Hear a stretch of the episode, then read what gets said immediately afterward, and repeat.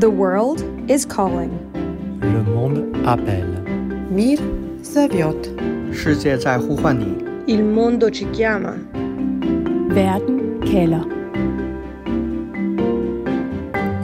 Zum Beschluss, dass wir sehr rasch jetzt eine bundesweite Impfpflicht in die Wege leiten.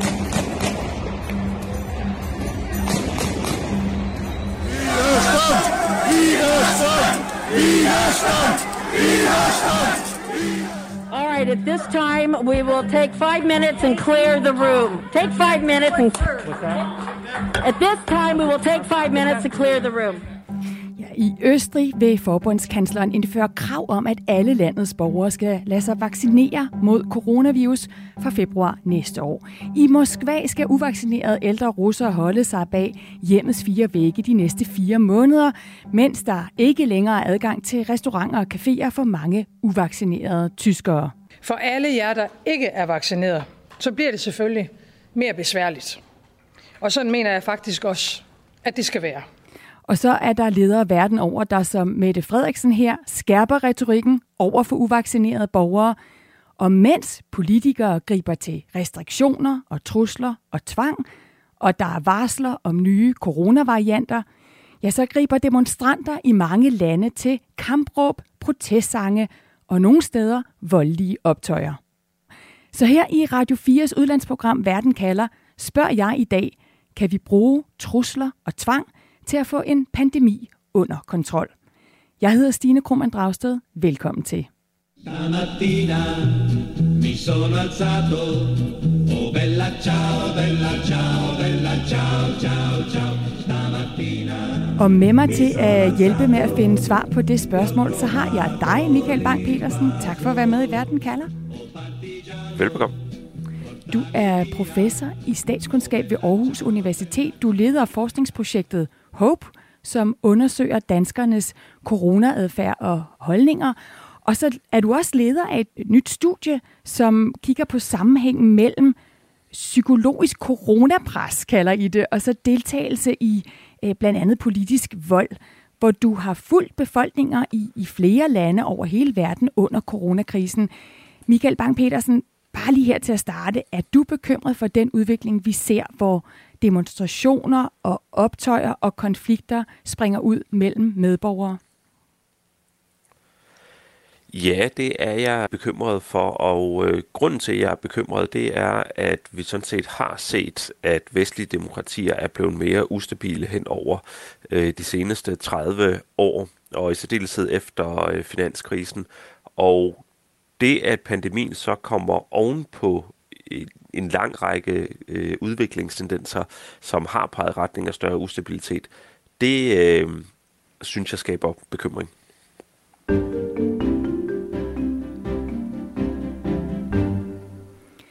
For at svare på, om vi kan bruge trusler og tvang til at få en pandemi under kontrol, så skal vi lige starte med at tage med min kollega Jeppe Rets Hustad på en rundtur til borgere over hele verden, der har reageret på coronarestriktioner og på påbud fra deres politikere.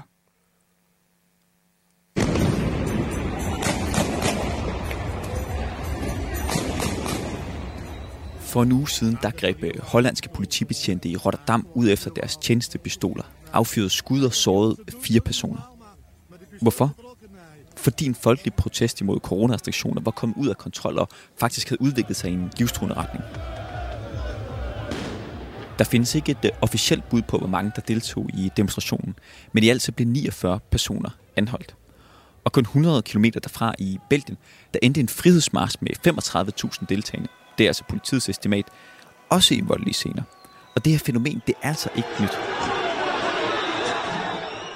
Tilbage i starten af oktober, der angreb voldelige demonstranter fagforeningskontorer og parlamentet i Italien, fordi politikerne ville øh, gøre det lovpligtigt, at man skulle vise coronapas, når man øh, gik på arbejde. I de her demonstrationer, der deltog ca. 10.000 øh, personer ifølge Reuters, og kampråbet skulle angiveligt have lyttet frihed, frihed. Sidste år, der skete det samme i Tyskland, da en protest med 38.000 deltagende endte i et stormløb på forbundsdagen. Og både politikere og også politifolk ret klassiske symboler på statsmagten. Men i USA, der har flere fundet et nyt sted at rette deres vrede hen over de her coronarestriktioner. All right, at this time we will take five minutes and clear Nemlig skolebestyrelser. At this time we will take five minutes to clear the room. NPR de bragte det her klip fra Kalifornien, hvor øh, vrede forældre strømmede ind under et øh, møde i skolebestyrelsen. Og det skyldes altså, at der hverken er et øh, nationalt eller regionalt påbud om at bære mundbind. Og det betyder, at det i sidste ende op til den enkelte skolebestyrelse at afgøre, hvorvidt eleverne på lige præcis den her skole skal bære mundbind i undervisningen. Og så er det, at øh, den vrede, vi i Europa oplever, bliver rettet mod politikerne og politiet, den bliver lige pludselig rettet mod øh, lokale ildsjæle i stedet. It's sad to say that, you know, now when I see someone come in with a flag and a flagpole, I'm thinking, well, that's a potential weapon. Faktisk så gik det så vidt, at en øh, landsdækkende forening for de her skolebestyrelser opfordrede øh, præsident Biden til at involvere sikkerhedstjenesterne for at simpelthen sikre de her skolebestyrelsesmøder. Det var dog et ønske, de senere trak tilbage, men tilbage der står, at selv fredelige lokalsamfund kan splittes af vacciner og mundbind og faktisk også manglen på alkohol. The people is angry because the bottle store is locked down. Da corona først kom til Sydafrika, så indførte politikerne et øh, forbud mod alkohol. Simpelthen ud fra det rationale, at øh, fulde folk har tendens til at opføre sig en lille smule dårligere end ædru folk. Og det kan jo egentlig være en øh, fin nok betragtning, men det var livet uden øh, alkohol altså ikke for flere sydafrikanere. Nu! Stop it!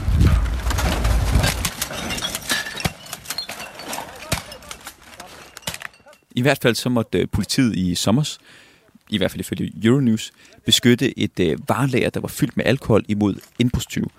De havde både gang i gummikugler og tårgas og hvad der ellers findes i voldsmonopolets arsenal. Man kan vel sige, at de her protester imod øh, coronarestriktionerne er nogenlunde lige så broget som de folk, der deltager i dem.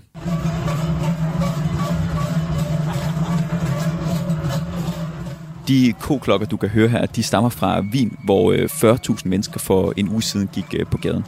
I blandt dem, der var både øh, parlamentarikere, der var nynazister, der var hooligans, der var bedsteforældre, og der var møder i klædt hijab. Og de banner, som øh, demonstranterne gik rundt med, de bød på alt fra kontrollere grænsen, ikke jeres befolkning, til hænderne væk fra vores børn. Der var endda en enkelt, som øh, sammenlignede den østrigske kansler med Josef Mengele, den her nazistiske læge, som under 2. verdenskrig eksperimenterede på fanger, som var indsat i øh, KZ-lejren Auschwitz. Historien var ikke noget om, hvorvidt det var en øh, nynazist, der var rundt på lige præcis det skilt. Men i alt så blev seks personer anholdt, da højre ekstreme begyndte at slå ud efter betjente i stedet for de k-klokker, som de egentlig havde medbragt. zu kapern und für ihre Zwecke zu missbrauchen. Das ist die rechtsextreme Szene. Det var journalist Jeppe Ritz Husted, der tog os på en rundrejse til de protester, optøj og slåskampe, som finder sted over hele verden lige nu, som reaktion på coronaepidemien og den måde, som vores ledere takler den på. Og det er der flere og flere ledere i lande, der vælger at gøre ved at skrue bissen på. Og Michael Bang-Petersen, professor i statskundskab på Aarhus Universitet, det har gjort dig nysgerrig på, om vi som borgere reagerer på coronarestriktioner ved i stigende grad at vende os imod det politiske system og for eksempel gribe til vold. Hvorfor er du nysgerrig på den sammenhæng? Jamen, jeg har været nysgerrig på den, fordi vi ved, at oplevelse af stress, øh, oplevelse af marginalisering og oplevelse af et, af et tab af, af kontrol, det generelt set er noget, som skaber mere aggressivitet. Og man kan sige, hvis der er noget, en, en pandemi gør, så er det netop, at den går ind og skaber stress på alle mulige måder. Vi kan være bekymrede for, selvfølgelig for at blive smittet, men vi kan også være bekymrede for vores sociale relationer. Vi kan være bekymrede for øh, vores øh, økonomi. Og så kan vi jo også, hvis man lever i et demokratisk samfund, være bekymret for, øh, i hvilken grad staten går ind og øh, fjerner nogle fundamentale frihedsrettigheder. Så på den måde, så, synes, så virker det oplagt for mig, at der må være nogle øh, modreaktioner af denne her karakter, og det vil vi gerne studere nærmere. Og hvem siger, at øh, demonstrationer er blevet, blevet mere hyppige eller mere voldelige? Ved vi det? Vi ved i hvert fald, at demonstrationer er blevet mere hyppige under coronapandemien. Øh, der er sådan nogle internationale forskningsprojekter, som, som overvåger demonstrationer i, i hele verden. Og der kan vi altså se, at der var 7% flere demonstrationer på verdensplan i 2020, end der var i 2019. Og hvis vi, hvis vi kigger ud i, i medielandskabet øh, og ser rapporter fra netop Tyskland og Italien og, og Holland, øh, Øhm, så er det også klart, at, at der er øh, en, en eksplosivitet i nogle af, de her, øh, i nogle af de her demonstrationer, der vender sig mod restriktionerne. Og Michael Bang-Petersen, du har så undersøgt, hvordan vi under covid-19 har været politisk aktive, Øhm, og blandt andet øh, i nogle tilfælde så altså vendt os øh, imod vores regeringer, imod systemet, ved at spørge 6.000 mennesker i, i USA, i Ungarn, i Italien og i Danmark, hvad er din konklusion? Altså, hvordan hænger coronarestriktioner sammen med politisk vold?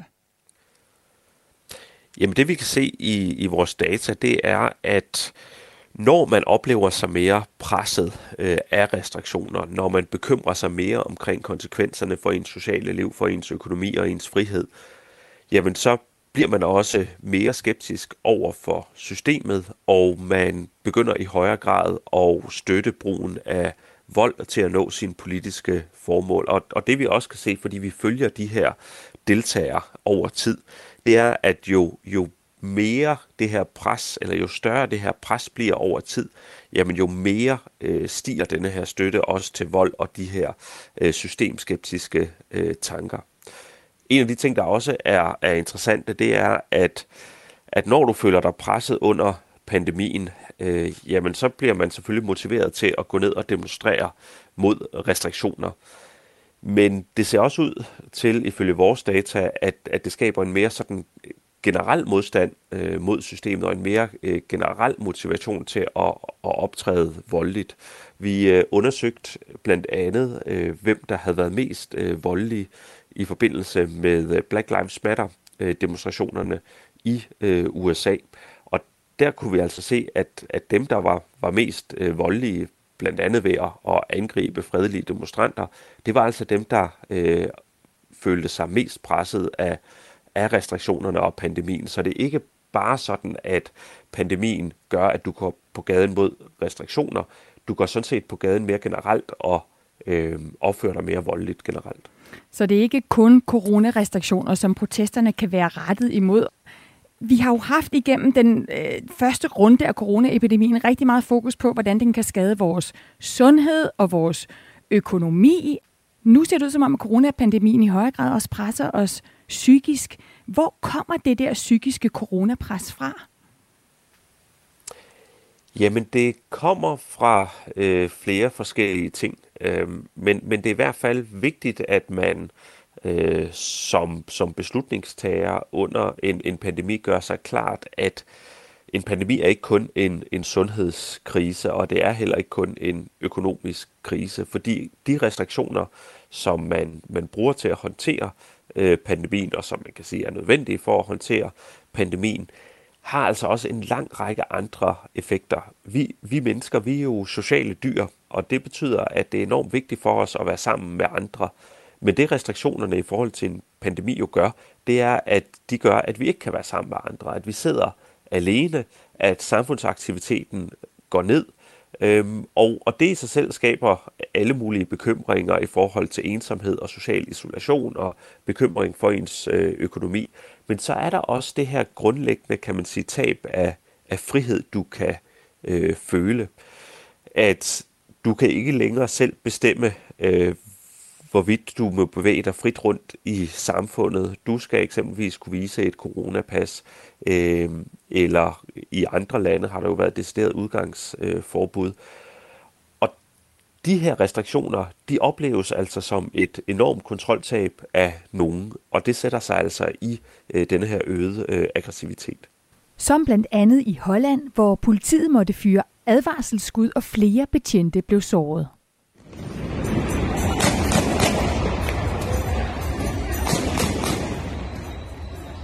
Dem, der som her i Holland smider sten og fyrværkeri imod politiet, altså reagerer med vold, fordi de oplever et tab af frihed. Michael Bang-Petersen, ved vi, om det er en ny frede, de har udviklet under coronaepidemien, eller om det er nogen, som allerede er fredet på systemet, på regeringen, og nu bekræfter den her coronaepidemi dem i, at de bliver udsat for frihedsberøvelse? Der er formentlig noget af begge ting over det. Altså det vi kan se i vores data, det er, at nogle af dem, der reagerer aggressivt nu, det er altså en følelse, der er opstået under øh, pandemien. Så det var ikke nødvendigvis folk, der gik på gaden før øh, pandemien. Men samtidig er det klart, at vi mennesker reagerer forskelligt på øh, det at blive udsat for pres. At øh, du skal have en bestemt personlighed, og derfor skal du formentlig også have en, en, en snært af mistillid til systemet inden pandemien, for at du har denne her øh, udadreagerende øh, reaktion øh, på det. Så, så det vil sige, at det er formentlig særlige segmenter øh, af befolkningen, som reagerer øh, aggressivt, men det men, men det, som pandemien også har gjort, det er, at den har gjort det her segment større. Ved vi, hvor mange der er tale om, som føler den her vrede og udtrykker den med vold og optøjer? Det afhænger lidt af, hvad for et land vi, vi kigger på. Hvis vi kigger på, på Danmark, så er det en, en meget lille øh, hård kerne. Der er måske øh, 5%, øh, som har meget systemskeptiske holdninger og som øh, vender sig mod eksempelvis øh, vaccinerne. Men kigger vi til et, øh, et land som, som Frankrig, så er der meget, meget udbredt mistillid til systemet, og også en meget, meget udbredt øh, udmattethed over øh, pandemien, øh, hvor at der i Danmark er øh, 10 procent, der lige nu siger, at de ikke kan holde ud og leve med restriktioner længere. Så hvis vi kigger til Frankrig, så har vi altså været oppe på, på 30 procent øh, der. For at bekæmpe coronaepidemien, så kan vores politikere jo så gribe til forskellige redskaber. De kan motivere os til at, til at opføre os på en bestemt måde. De kan, de kan udskamme eller tro os. De, de kan begrænse, hvad vi kan gøre. Altså for eksempel, at vi kan gå på restaurant eller gå udenfor, hvis vi ikke er vaccineret. Og så kan de jo bruge decideret tvang, som, som Østrig nu vil gøre, ved at gøre coronavaccine obligatorisk. Michael, ved vi, om vi som borgere reagerer forskelligt alt efter, hvilke redskaber vores politikere vælger? Kommer der mere uro i gaderne, hvis politikerne griber til tvang for at kontrollere epidemien? Ja, som udgangspunkt så vil man sige, at, at pres afler øh, modpres. Og vi kan også se det i de data, som vi løbende indsamler. Eksempelvis så var der her i Danmark for et par uger siden et, et pressemøde, hvor der blev talt med relativt store øh, bogstaver øh, over for de øh, uvaccinerede, og vi hørte også et, øh, et klip øh, af det, det her med, at livet blev gjort mere besværligt, og det var sådan set øh, fint nok. Og der kan vi se i vores data, at der faldt tilliden til øh, regeringens coronahåndtering med 11 procentpoint blandt de uvaccinerede. Så det vil sige, at når man bruger pres som en strategi øh, og taler på en mere moraliserende måde til en gruppe, der i forvejen føler sig marginaliseret, jamen så får man den til at reagere mere negativt. Godt, så for lige at få slået fast, hvad vi ved, når vi ser på det her psykiske pres, eller den psykiske byrde, som I har undersøgt, altså føler i kølvandet på coronapandemien og på restriktioner og nedlukninger, så siger du, Michael Bang-Petersen, at den her byrde, kan udløse mere voldsomme holdninger og adfærd, for eksempel voldelige samstød og uroligheder. Ja, lige præcis. Så det vil sige, at vi må forvente, at efterhånden som coronapandemien forlænges, så vil vi også se mere øh, ustabilitet i øh, vestlige demokratier. Du lytter til Verden kalder på Radio 4. Jeg hedder Stine Krummernd Dragsted, og i dag her i Verden kalder på Radio 4, der spørger jeg, om vi kan bruge trusler og tvang til at få en pandemi under kontrol. Og som vi lige har hørt, så har det altså konsekvenser for vores holdninger til samfundet og for vores holdninger til vores regeringer, når vi bliver udsat for restriktioner, for påbud eller direkte tvang som følge af coronaepidemien. Det kan udløse vold, det kan udløse destruktive holdninger. I efteråret og starten af vinteren oplevede både Italien og Spanien voldsomme protester, og i Tyskland har demonstrationerne mod coronarestriktioner været voldsomme i mange måneder. Vi har allerede talt her i programmet om, hvordan demonstrationer i Holland sidste weekend endte i sammenstød mellem politi og demonstranter, og i Østrig, hvor coronavaccine snart bliver obligatorisk, der gik 10.000 sidste weekend på gaden med blandt andet dette kampråb om frihed. Freiheit ist, dass unser Körper und körperliche Unversehrtheit eingegriffen wird. Und das geht einfach so nicht. Længe leve frihed, råber Angelika, som var på gaden i Østrig, mens hendes meddemonstrant Martin siger, at det er et spørgsmål om frihed. Han siger, at vaccinetvang krænker vores ret til selv at bestemme over vores kroppe. Det går ikke. Og det er ikke kun på gaderne, at der er kampråb og bål og brand. Også på de sociale medier går det hit for sig. Hashtagget coronadiktatur breder sig, og i min egen Facebook-feed, der fyrer det med beskyldninger mellem venner om, hvorvidt vaccinetvang undergraver vores liberale demokrati. Filosofen Anders Fogh Jensen har for nylig skrevet bogen Pest eller Corona om, hvordan vi som samfund igennem historien har grebet epidemier an. Jeg spurgte ham, om han kan følge dem, der siger, at vi med vaccinetvang er på vej mod et coronadiktatur. Altså, jeg kan godt følge deres øh, tankegang, men jeg mener simpelthen, de grundlæggende tager fejl. Altså, vi har en øh, demokratisk valgt øh, regering i de her lande, og jeg tror, at den øh, fejlslutning, folk laver, det er, at vi er vant til i et liberalt demokrati at have en anbefalende stat, altså en, der, der siger, ved du ikke nok, kunne du ikke tænke dig? Og øh, så øh, er det ikke altid, at folk kunne tænke sig det, som, øh, som staten siger. Og så er den jo nødt til at sige, at du skal. Og det, det, det lyder som et diktatur, når man siger, at du skal. Men der er jo så mange ting, vi skal. Så, så jeg kan på, jeg på, på ingen måde se, at det her det skulle være øh, et demokrati, der var ved at afvikle sig eller noget. Flytter corona grænsen for, hvad vores politikere kan tvinge os til i dine øjne? Øh, enhver epidemi øh, siger til øh, en befolkning og en regering, organiser jer eller dø. Hvad vil I gøre? Ikke? Altså, så hvis I ikke organiserer jer, så får I måske alle sammen smitte. Hvad? På den måde er det en, en fin øh, fremkaldervæske for, hvordan man, man, man styrer og regerer. Men øh, altså, jeg tror simpelthen ikke på, at det, at det fører os hen imod et diktatur. Altså, vi har jo en, vi har Folketinget som en, en, en lovgivende magt, og regering og politiet som, som udøvende magt. Det har vi sådan set stadigvæk. Altså, det kan godt være, at der er nogle love, man har fortrudt, kommet lidt for hurtigt igennem og sådan noget. Men jeg, jeg tror ikke, at det grundlæggende ændrer på, hvordan øh, vores demokrati fungerer. Og jeg tror, at det her med vaccine, det er lidt særligt, fordi at vi skal ind under huden. Altså, vi skal ind, under, vi skal ind i kroppen med, for, for at vaccinere, så man ja, fordi... får sådan en fornemmelse af, at nu går staten ind i min krop. Og det, jeg tror, det er det, der trigger det øh, rigtig meget, fordi der er ikke samme protester mod, øh, når der bliver sagt, du skal bruge mundbind i offentlig transport. Ikke? Det er jo også en, det er jo også en stat, der siger, du skal. Men når det, når det lige kommer til, til huden som grænse, så bliver det sådan en meget eksplosivt øh, diskussion. Er det usædvanligt det her med, at man overtræder de grænser, vi normalt sætter for vores personlige frihed, for at bekæmpe epidemier? Jamen altså, det er sådan set meget normalt historisk set, øh, men historisk set har vi heller ikke øh, levet så længe i, i de her liberale demokratier, som vi, som vi gør nu.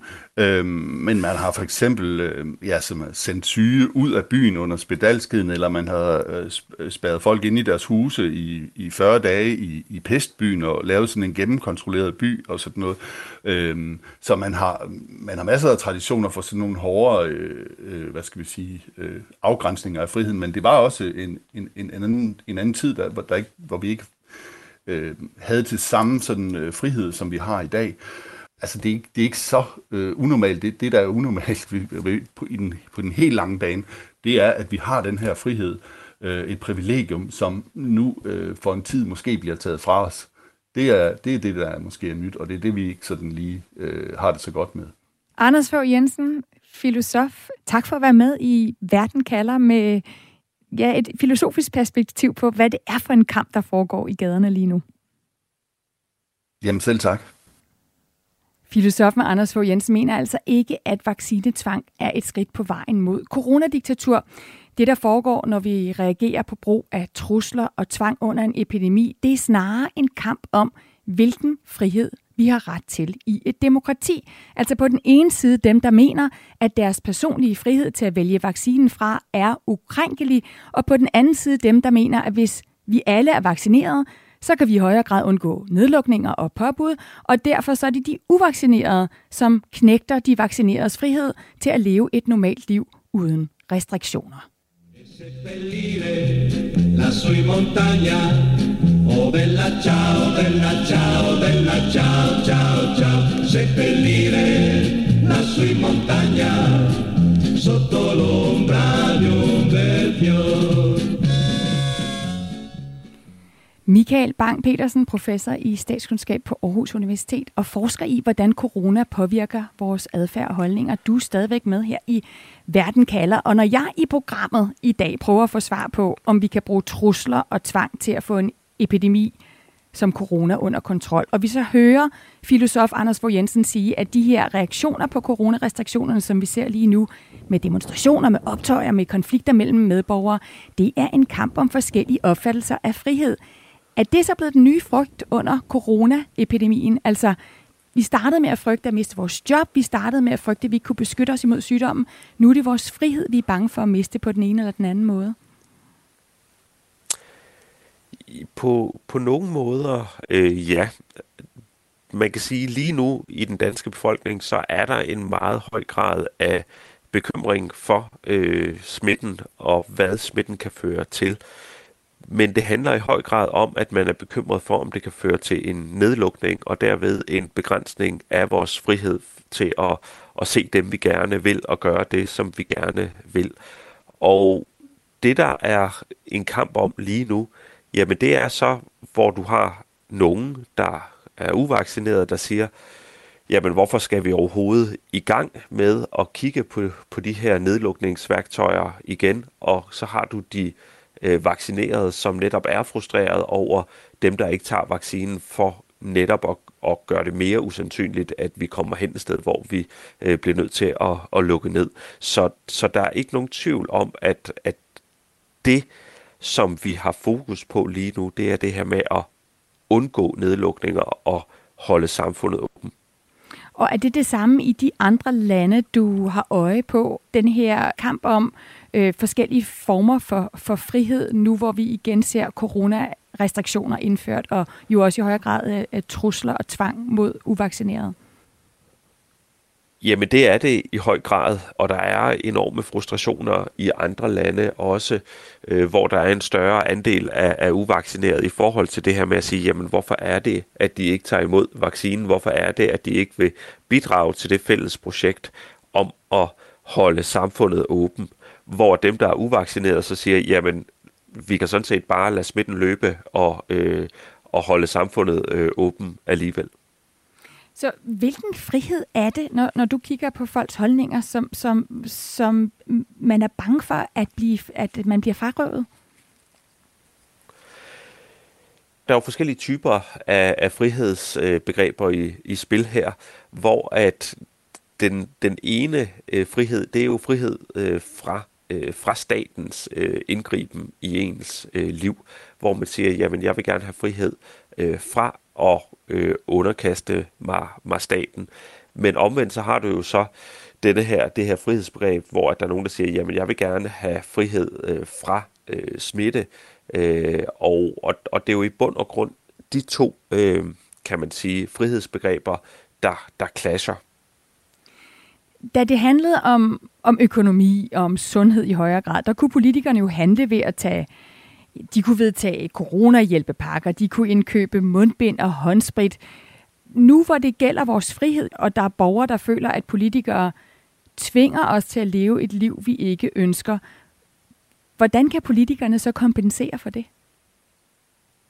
Jamen det er klart, man kan ikke kompensere for øh, frihedstab ved at udskrive en, en check, i hvert fald ikke, ikke på nogen øh, simpel måde. Så det man kan, øh, måden man kan kompensere for en oplevelse af frihedstab, det er ved at skabe legitime beslutninger. Vi, vi mennesker øh, er jo en, en særlig art i den henseende, at vi kan udholde meget lidelse, og vi kan acceptere meget lidelse, hvis vi kan se en mening med det. Så det, der er politikernes øh, opgave, det er at få legitimeret, hvorfor er det, at man eksempelvis indfører restriktioner? Hvorfor er det, man eksempelvis indfører tvang, hvis det er det, man øh, gør?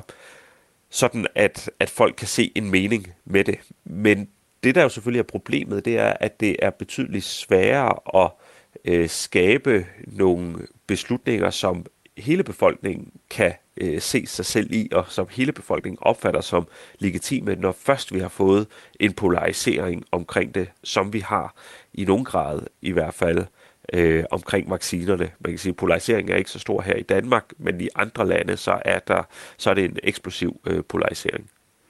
Ja, og nu ser vi jo så flere og flere lande, der tager hårde midler i brug øh, fra, fra trusler og udskamning til det her med at tvinge borgere til at blive vaccineret, som i Østrig.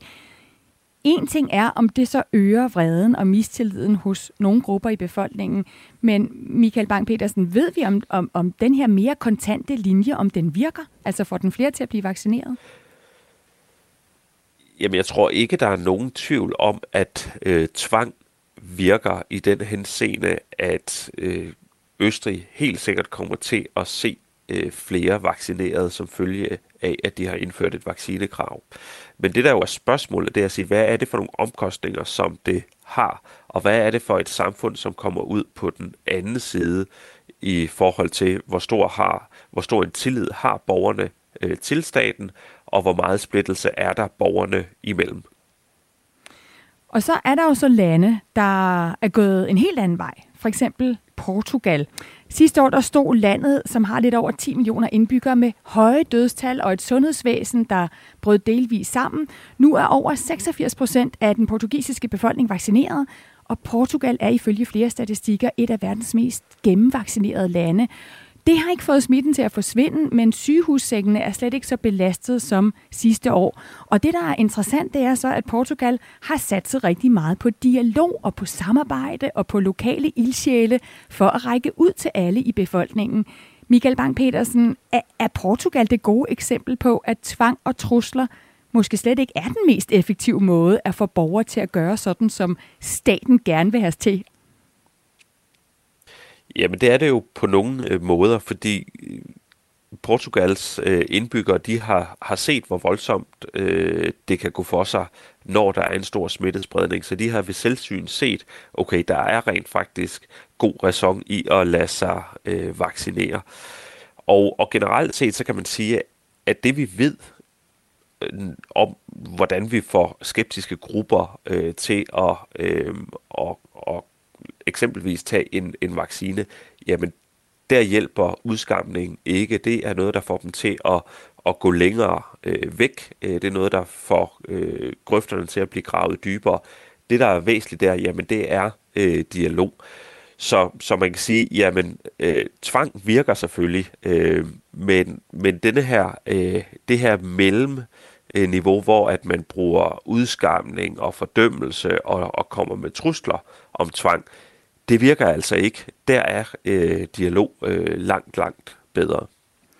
Og den dialog, den skal vel så på en eller anden måde altså have en eller anden grobund, før den fungerer? Jamen, det er der ikke nogen som helst tvivl om. En af de fund, vi har i vores forskning, det er, at har du først mistet tilliden til sundhedsmyndighederne, så er det sådan set lige meget, hvordan sundhedsmyndighederne kommunikerer, hvor transparent, hvor åbent de gør det, fordi så reagerer du ikke på det. Så for at du kan tage imod et budskab, jamen, så skal du have tillid til afsenderen. Men det betyder ikke, at, at der ikke er andre måder at nå dem, der øh, har mistillid til eksempelvis sundhedsmyndighederne. Men, men det kræver, at man aktiverer de lokale miljøer. Det kan være, hvis det eksempelvis er et minoritetsmiljø, så kan det være den lokale imam, eller det kan være øh, praktiserende læger øh, ude i lokalområdet. Der er altså stor forskel på, hvordan politikerne i forskellige lande griber coronaepidemien an. Du lytter til Verden kalder på Radio 4. Så hvilken rolle spiller politikerne selv i, hvor effektive trusler og tvang er til at få styr på en epidemi som corona? Det har jeg talt med den belgiske politiker Philippe Lambert om. Det er min kollega Jeppe Rets Huster, der har klippet interviewet sammen og her fortæller. Og jeg skal lige undskylde, at det støder lidt i Philippe Lamberts mikrofon, specielt i starten. Voilà, recording. So I'm Philip Lamberts. I'm a Belgian member of the European Parliament, and I'm co-chair of the Green CFA group in the European Parliament. Fra sit udgangspunkt i Bruxelles, der har Lambert fulgt øh, håndteringen af coronapandemien i Europa og den nuværende polarisering. Og han er kommet frem til en erkendelse.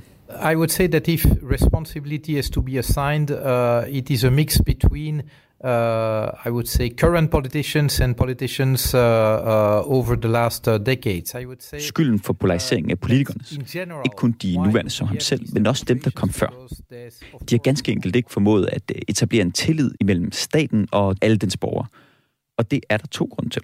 For det første. politicians may, in some countries and in some parties, in some cases, consider and address their people as if they were a bunch of kids uh, which need to be, who need to be educated and taught. Uh, Angela Merkel, by and large, talks to the German citizens as adults, and Emmanuel Macron talks to the French people as if they were children. Som et andet eksempel, der nævner han den hollandske statsminister, der efter sidste weekends uroligheder i Rotterdam omtalte deltagerne som idioter. Og det skader tilliden. You do not have respect for people who don't respect you. Den anden kilde til mistillid, som øh, Lambert han tilskriver politikerne, den rækker længere tilbage i tiden. Too many politicians and too many political decisions have been taken in favor of business interests, in some cases resulting into harm to the public good. I mean, Igen giver Lambert en række eksempler, og denne gang der stammer de fra Frankrig. the Mediator uh, uh, affair, contaminated blood thing, uh, back in time, the, the, the mad cow diseases and, and, and the way it was handled, all this created a context where willingness of political decision makers to care for, to cater for the general interest has been seriously eroded. Mediatørskandalen, som brød ud i 2009, den handlede om en øh, godkendt pille til øh, vægttab, som endte med at koste hundredvis af menneskeliv. En anden skandale, hvor HIV-inficeret blod blev givet til ellers raske patienter, den kostede mere end 300 menneskeliv i Frankrig. Og det betyder, at folk ikke længere har den samme tillid til, at staten agerer i befolkningens interesse. Uh, let me take again one example, which is Det samme så øh, Lambert, da politikerne i starten af pandemien diskuterede det her med mundbind. Fordi der ganske enkelt manglede en form for rationalitet eller konsistens i argumenterne. at the beginning of the pandemic, uh, there was a lack of personal protection equipment in, uh, and especially masks. Well, at that time, you had officials in the French government saying, well, that masks were actually counterproductive and even dangerous. And then, when masks became available in big numbers, then came the obligation to wear uh, uh, a mask. I mean, how can you take that seriously? I mean, Kort fortalt, da vi i starten ikke kunne få mundbind, der fortalte politikerne os, at det var fuldstændig unødvendigt, at de ikke havde nogen effekt. Men lige så snart, at vi havde adgang til dem og kunne købe dem, jamen så var de meget vigtige og blev faktisk lovpligtige mange steder. uh, this is really uh, uh, destructive of trust. Slingrekursen, den skader tilliden, og det samme gælder, hvis målet med restriktionerne, det forskubber sig. Eksempelvis, hvis målet først går på, at øh, vi skal undgå et fuldstændig kollaps af vores sundhedsvæsen, så kan det ikke lige pludselig blive ændret til, at ingen overhovedet må dø med corona, fordi det er to vidt forskellige ting. Og det skader så igen tilliden, som skaber den her polarisering. Og så er vi igen tilbage ved, at det er politikerne, som bærer branden til bålet, forklarer Lambert. So what I see is indeed opposition politicians, uh, and especially on the far right, because this is a, this is clearly uh, there's clearly a pattern there, where AfD in Germany, FPÖ in Austria, the far right parties in uh, in the Netherlands, uh, instrumentalizing. Uh, the anger against the restrictions uh, in order to get uh, political mileage. That's fact. Men det er kun højrefløjen, som udnytter pandemien politisk. For den rummer nemlig også muligheden for at korse sig selv som landsfader eller moder for den sags skyld. In another sense, uh, you might say that to some extent Emmanuel Macron has instrumentalized uh, that politically also to appear as as the father of the nation, if you will. Og så er vi fremme ved det svære, men helt aktuelle spørgsmål. Når nu politikerne har politiseret coronapandemien, og når nu de har skubbet dele af befolkningen væk fra sig, hvordan skal de så gå til det her vaccinespørgsmål? Hvis man som i flere lande verden over ønsker at få en større andel af sin befolkning vaccineret for at beskytte sundhedsvæsenet mod et for stort pres. there's two ways to go about that. You might say, okay, let's do mandatory vaccination. Lambert skitserer to løsninger. Let us Gør vaccinen lovpligtig, eller gør livet så besværligt for dem, som ikke er vaccineret, at de til sidst, i gåsøjne, frivilligt lader sig vaccinere. Han mener selv, at det mest ærlige, det er at gøre vaccinen lovpligtig. Og fordi du som politiker står ved din beslutning, og i øvrigt rationelt kan argumentere for den, og den flugter i øvrigt også med den målsætning om at undgå kollaps af sundhedsvæsenet, som du har skitseret over for din befolkning, ja, så burde den faktisk vække tillid i befolkningen, forklarer Lambert. Og så alligevel. I'm torn because I, I acknowledge the lack of trust, and therefore, as a, if I were the prime minister in my country, I would really recoil from uh, uh, mandatory vaccination. On the other hand, because of the, the the sanitary situation, I believe that indeed everyone should be vaccinated. Then it would be more honestry, and that is the kind of debate we are struggling with in Belgium at the moment. For hvad nu hvis den ærlige, transparente og velargumenterede løsning faktisk ikke længere bider på befolkningen, fordi politikerne har ødelagt tillid? Simply speaking, there's no, there's, no, there's no simple answer to that. You know, sometimes politicians don't have all the answers. Nogle gange har politikerne ikke svar på alting, lyder det altså fra Philippe Lambert, som er medlem af Europaparlamentet og fra det Grønne Parti i Belgien.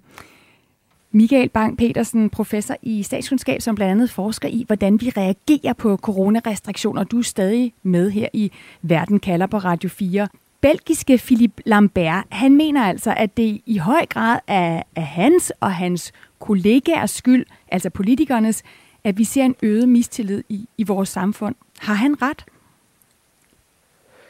Ja, det mener jeg i, i bund og grund. Jeg mener, det er en, en meget fin analyse af, hvad det kræver at lede et, et land igennem en, øh, en pandemi. Og man kan sige, selvfølgelig så kan vi her i, i Danmark, øh, vi, vi har det nemmere øh, med mange ting, fordi der er en meget, meget høj tillid fra borgerne til øh, myndighederne. Men jeg tror faktisk, en af de vigtigste ting under en krise af denne her karakter, det er, at myndighederne og politikerne har tillid til borgerne, at de netop øh, tør at forklare øh, borgerne både kompleksiteten i situationen, alle de dilemmaer, som de øh, står i, på en måde, som man vil øh, kommunikere det til øh, voksne mennesker og netop ikke øh, til børn. Er der en sammenhæng der, altså mellem hvor meget mistillid vi ser øh, i det forhold mellem regering og borgere, og så hvor villige vi er til at acceptere restriktioner i forskellige lande? Ja, men det er der i meget, meget høj øh, grad. Vi kan se, at en af de vigtigste faktorer øh, i forhold til eksempelvis at acceptere vaccinerne, det er lige præcis øh, tillid til det politiske system og til myndighederne. Og vi kan også se, at det, det gælder også i forhold til, i, i hvilken grad man generelt set ændrer sin adfærd og følger øh, de forskellige øh, adfærdsanbefalinger, der kommer fra myndighederne. Den belgiske politiker Philippe Lambert, han mener, at politikere som ham selv kan mindske mistilliden ved at være ærlige. Altså, og, og det mest ærlige, siger han lige nu, det er at sige til befolkningen, prøv at høre her, coronavacciner, det bør være obligatorisk for alle. Men han kan godt forstå, at hans egen øh, regering, at mange regeringer ikke tør være ærlige af frygt for simpelthen at svække sammenhængskraften i samfundet. Hvad er dit råd til det her dilemma, som mange politikere finder sig i, altså specielt politikere i andre lande end i Danmark, hvor mistilliden er endnu højere?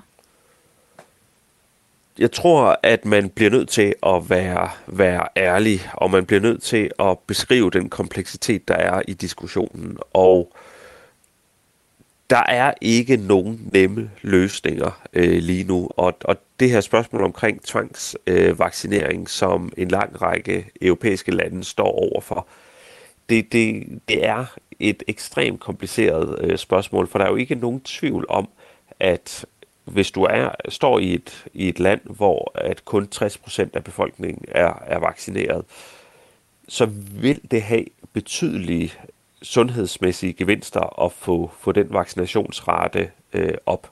Og hvis man vælger at gå den, gå den vej, jamen så mit råd er for det første, at det handler om at, at lade være at øh, ligesom lægge udskamning og fordømmelse ovenpå. Hvis man øh, går den vej, så skal man i højere grad udtrykke, kan man sige, øh, øh, sorg over det og taknemmelighed over dem, som lader sig øh, vaccinere. Så jeg tror i hvert fald, det er ret væsentligt, at man gør, hvad man kan kommunikativt for at dæmpe de konflikter, et sådan indgreb giver øh, anledning til. Og ville det være den samme vej, man skulle gå, hvis man så sagde, det her med tvang, det kan vi simpelthen ikke på grund af sammenhængskraften i samfundet. Altså vi, vi frygter i for høj grad, at der bliver uro, at befolkningen vender sig imod os. Vi snakkede tidligere om det her med, at øh, coronapres kan, kan øge vold. Så vi vil hellere prøve at skabe dialog og række ud, og på den måde få overtalt folk til for eksempel at blive vaccineret. Hvad skal man gøre der, hvis mistilliden er lav, og man som politiker gerne vil prøve at genskabe den? Jamen, så må man jo først og fremmest, øh, så må man jo tage ejerskab til princippet omkring frivillighed. Øh, jeg synes ikke, det er en, en hensigtsmæssig kommunikation, hvis man på den ene side siger, at vaccinerne er øh, frivillige, men på den anden side siger, at man forsøger altså at gøre livet så besværligt øh, som muligt for dem, der er uvaccineret. Så hvis man rent faktisk mener, at det bør, frivilligt, bør være frivilligt at tage vaccinen, så må man jo øh, så må man tage ejerskab til det princip og kommunikere til de vaccinerede. Hvorfor er det, vi står fast på det princip? Og hvorfor er det til gavn for os alle, at vi fastholder øh, det princip? Og, og det er heller ikke svært, for, eller undskyld, det er heller ikke nemt at, at komme med den øh, kommunikation, fordi det der jo er sagen, det er, at hvis der er færre, der er vaccineret, så vil det betyde, at dem, der er vaccineret, de skal så at sige ændre deres adfærd mere, end de ellers øh, ville skulle have gjort. Så man skal altså på en eller anden måde få forklaret de vaccinerede, at det her princip omkring frivillighed, det er så vigtigt, at de skal acceptere den ekstra omkostning, som princippet har. Øhm, og det er ikke nemt, men det mener jeg vil være den, den anden vej at gå. Så politikere lige nu står i høj grad øh, ved sådan en skillevej, hvor de kan vælge to forskellige øh, strategier i, hvordan både de griber øh, coronaepidemien an, og hvordan de kommunikerer, sådan at de kan få os borgere til at gøre det, de gerne øh, vil have os til. Og så er der jo det, som Philip Lambert gør opmærksom på. Der er allerede gået politik i corona og i coronarestriktioner, hvor øh, der i de fleste lande var fælles fodslag politisk, da epidemien ramte. Så er der politikere i flere lande, der lige nu selv protesterer imod coronarestriktioner. Her er et eksempel, hvor der bryder uro ud i det italienske parlament, da medlemmer af det højorienterede parti, de italienske brødre, holder skilte op i protest imod indførelse af coronapas. Tornate al vostro posto e depositate i cartelli. Tornate nelle vostre postazioni. La seduta è sospesa. Michael Bang-Petersen, er det en løsning at tage politikerne, som de her i det italienske parlament, som ender i totterne på hinanden, øh, at tage dem ud af ligningen, og så i stedet for lade eksperter og sundhedsmyndighederne om at melde restriktioner ud? Eller forklare, hvorfor er det her frivillighedsprincip, øh, at hvorfor man holder fast i det. Altså, reagerer vi anderledes, hvis det for eksempel, hvis vi tager den tilbage til Danmark, at det er Søren Brostrøm i stedet for Mette Frederiksen, der løfter pegefingeren over for de uvaccinerede, eller siger, kom nu venner, kom ned og få det stik? jeg mener ikke, at det er en løsning at tage politikerne ud af, af ligningen, fordi der er en lang række helt fundamentale valg under en krise, som er politiske valg. Øh, jeg tror, det som, som også denne her øh, samtale har gjort øh, klart, det er, at det handler om at, at balancere mange hensyn. Der er hensynet til sundheden, der er hensynet til økonomien, og der er hensynet til trivselen og friheden. Og i sidste ende, så er det politiske valg, hvordan man skal øh, vægte de forskellige ting. Så jeg mener ikke, der er nogen vej udenom øh, politikerne i denne her krise.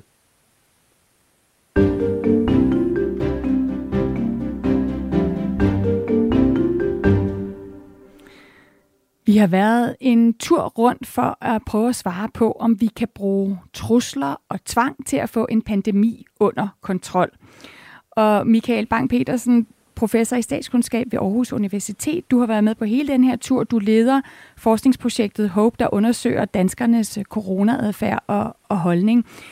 Hvad er det, du vil holde specielt øje med, nu hvor vi står over for flere coronarestriktioner, øh, smittetal, der stiger, øh, indlæggelsespres på hospitaler øh, i mange lande, og politikere, der står i det her dilemma mellem, hvordan de skal balancere hensyn til sundhed, økonomi og frihed?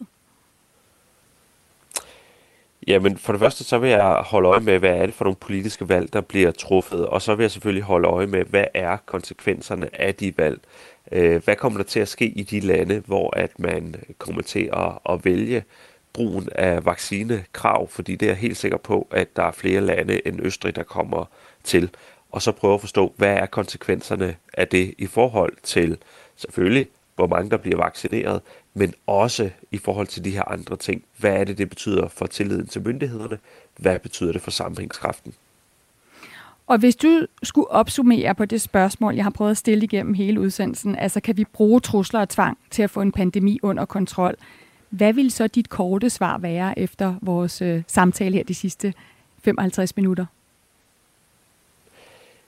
Jamen, det, jeg tror, det korte svar er, at jamen, det kan man godt i et vist omfang, men det kommer til at have ret store konsekvenser, om man skal holde sig meget for øje, hvad er det for et samfund, man gerne vil have, der eksisterer på den anden side af den krise. Det sagde altså Michael Bang-Petersen. Tusind tak for at være med i Verden kalder. Velbekomme. En tidlig morgen, for dagen Bella ciao, bella ciao, bella ciao, ciao, ciao, tidlig morgen, for dagen gryder, himlen stanser ved vor by. Verden kalder var i dag tilrettelagt af mig, Stine Krummernd Dragsted, og af Jeppe Ritz Husted, redaktør af Camilla Høj Eggers. Og lige nu har vi travlt med at forberede en række særudgaver af Verden kalder, portrætter af nogle af verdens mest interessante ledere, som vi gerne vil have din hjælp til. Hvilke spørgsmål vil du gerne have svar på, hvis vi skal ind under huden på verdensledere som Joe Biden og Boris Johnson? Hvilken magthaver kunne du godt tænke dig, at vi grænsker og lærer bedre at kende som menneske? Ring til mig og giv dit bud på Verden Kalders telefonsvarer. Nummeret er 50 70 44 94, altså 50 70 44 94. Du kan også skrive til mig på verdenkalder radio4.dk. Og du er meget velkommen til at sende mig spørgsmål til verden, som du synes kalder på et svar, og som du godt kunne tænke dig, at jeg tager op her i programmet Verden kalder.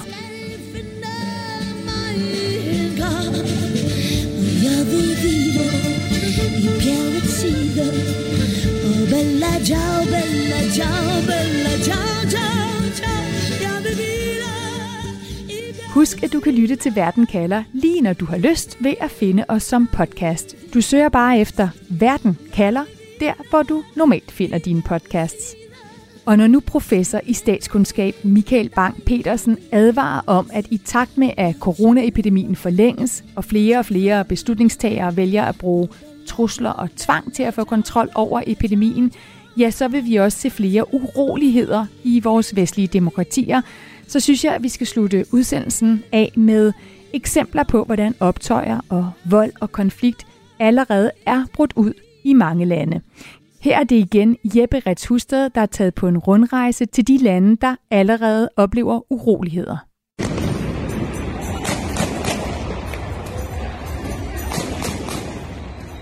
For en uge siden, der greb øh, hollandske politibetjente i Rotterdam ud efter deres tjenestepistoler, affyrede skud og sårede fire personer. Hvorfor? Fordi en folkelig protest imod coronarestriktioner var kommet ud af kontrol og faktisk havde udviklet sig i en livstruende retning. Der findes ikke et øh, officielt bud på, hvor mange der deltog i demonstrationen, men i alt så blev 49 personer anholdt. Og kun 100 km derfra i Belgien, der endte en frihedsmars med 35.000 deltagende. Det er altså politiets estimat, også i voldelige scener. Og det her fænomen, det er altså ikke nyt. Tilbage i starten af oktober, der angreb voldelige demonstranter fagforeningskontorer og parlamentet i Italien, fordi politikerne ville øh, gøre det lovpligtigt, at man skulle vise coronapas, når man øh, gik på arbejde. I de her demonstrationer, der deltog ca. 10.000 øh, personer ifølge Reuters, og kampråbet skulle angiveligt have lyttet frihed, frihed. Sidste år, der skete det samme i Tyskland, da en øh, protest med 38.000 deltagende endte i et øh, stormløb på forbundsdagen. Og både politikere og også politifolk er ret klassiske symboler på statsmagten. Men i USA, der har flere fundet et øh, nyt sted at rette deres vrede hen over de her coronarestriktioner right, at this time we will take five minutes and clear nemlig skolebestyrelser. At this time we will take five minutes to clear. NPR de bragte det her klip fra Kalifornien, hvor øh, vrede forældre strømmede ind under et øh, møde i skolebestyrelsen. Og det skyldes altså, at der hverken er et øh, nationalt eller regionalt påbud om at bære mundbind. Og det betyder, at det i sidste ende op til den enkelte skolebestyrelse at afgøre, hvorvidt eleverne på lige præcis den her skole skal bære mundbind i undervisningen. Og så er det, at øh, den vrede, vi i Europa oplever, bliver rettet mod politikerne og politiet, den bliver lige pludselig rettet mod øh, lokale ildsjæle i stedet. It's sad to say that, you know, now when I see someone come in with a flag and a flagpole, I'm thinking, well, that's a potential weapon. I've seen that. Man kan vel sige, at de her protester imod coronarestriktionerne er nogenlunde lige så broget som de folk, der deltager i dem.